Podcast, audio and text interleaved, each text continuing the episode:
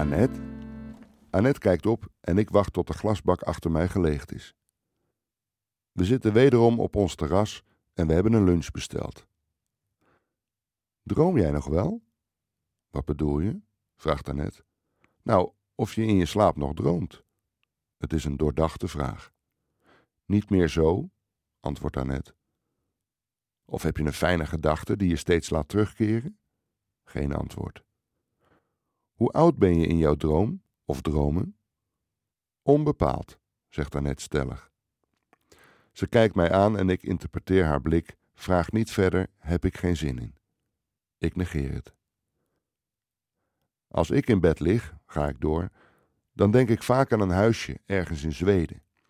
De deuren staan open en een zacht briesje doen de witte linnen gordijnen een beetje opbollen. Ik ben daar met mijn vrouw.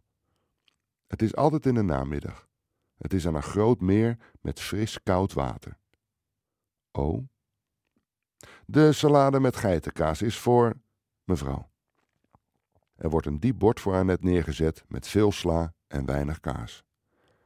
Ach, dit krijg ik niet allemaal op hoor. En Annette valt aan.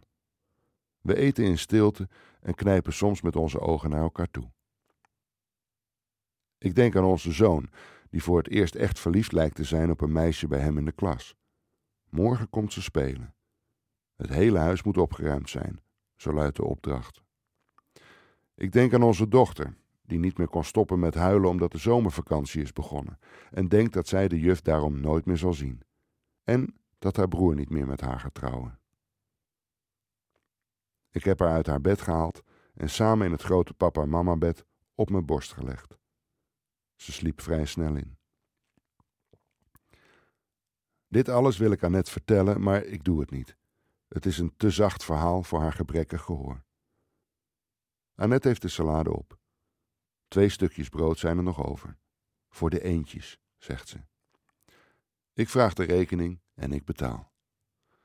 Wat ik vaak droom, zegt Annette, is dat ik in een bootje zit en langzaam een meertje opvaar zonder te roeien.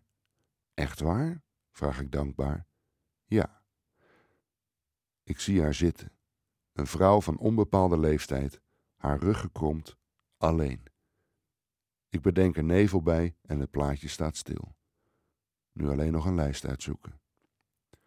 Hoe heten jouw kippen ook alweer, Bas? De eentjes zijn inmiddels gevoerd, hadden er niet zo'n omkijken naar, en ik duw Annette richting huis. Ik antwoord haar in haar rug.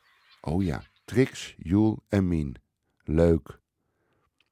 Thuis in onze tuin heb ik het met mijn vrouw over Annette en geld.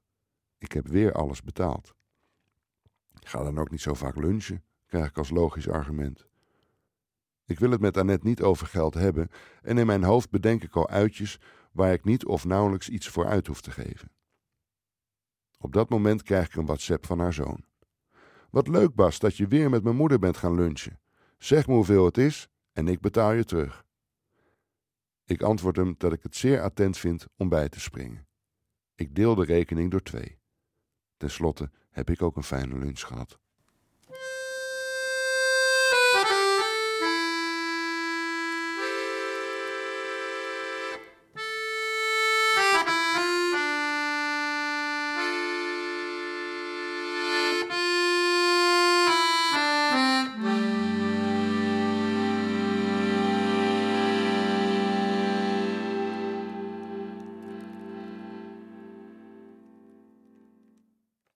Ik heb gezegd, hij gaat eraan. Desnoods bijt ik je strot door.